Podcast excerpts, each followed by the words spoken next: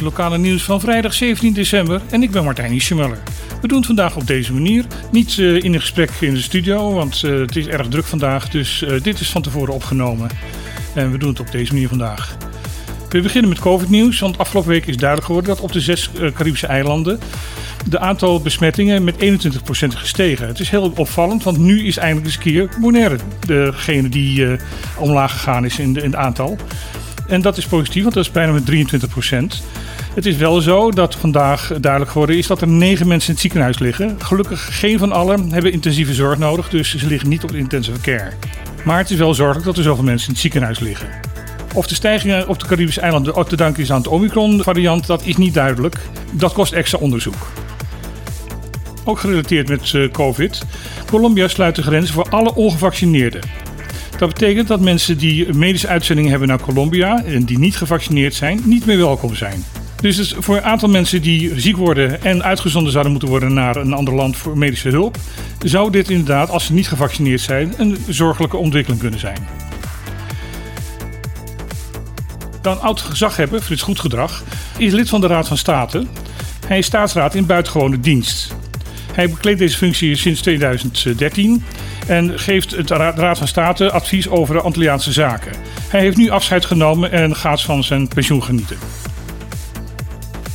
Dan Pinter Vertaal stopt na vier succesvolle jaren.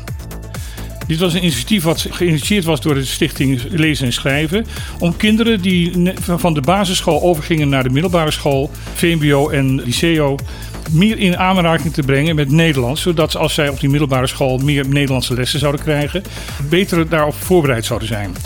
Het is een programma waarbij kinderen op de basisschool les krijgen in het laatste jaar van de basisschool en het eerste jaar van de middelbare school. Om op deze manier zo'n 100 uur extra met Nederlands in aanraking te komen. Het is zeer succesvol geweest. Het gaat nu helaas stoppen. Een van de redenen daarvoor is dat de afgelopen twee jaar door de lesuitval met corona en online lesgeven het niveau weer fix gedaald is en het eigenlijk niet rendabel meer is.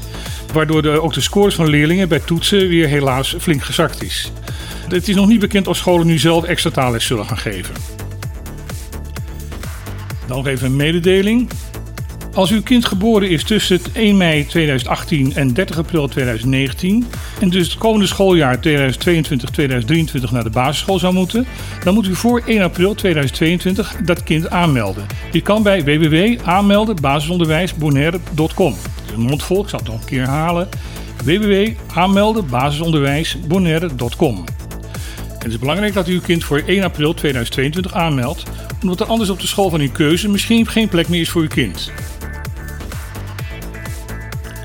Tot slot het weerbericht.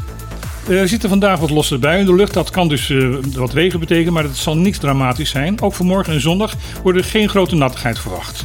De temperatuur zal ongeveer tot de 30 graden kunnen oplopen en er is een normale windsnelheid. Dit was het lokale nieuws van deze week. Morgen zijn we bij Op de Klippen van 12 tot 2. We zitten in El Mundo.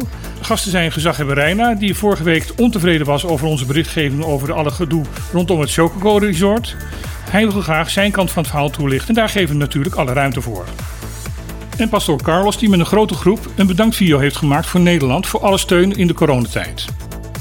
Dus graag tot morgen van 12 tot 2 op deze zender of kom langs op El Mundo, want daar zitten we.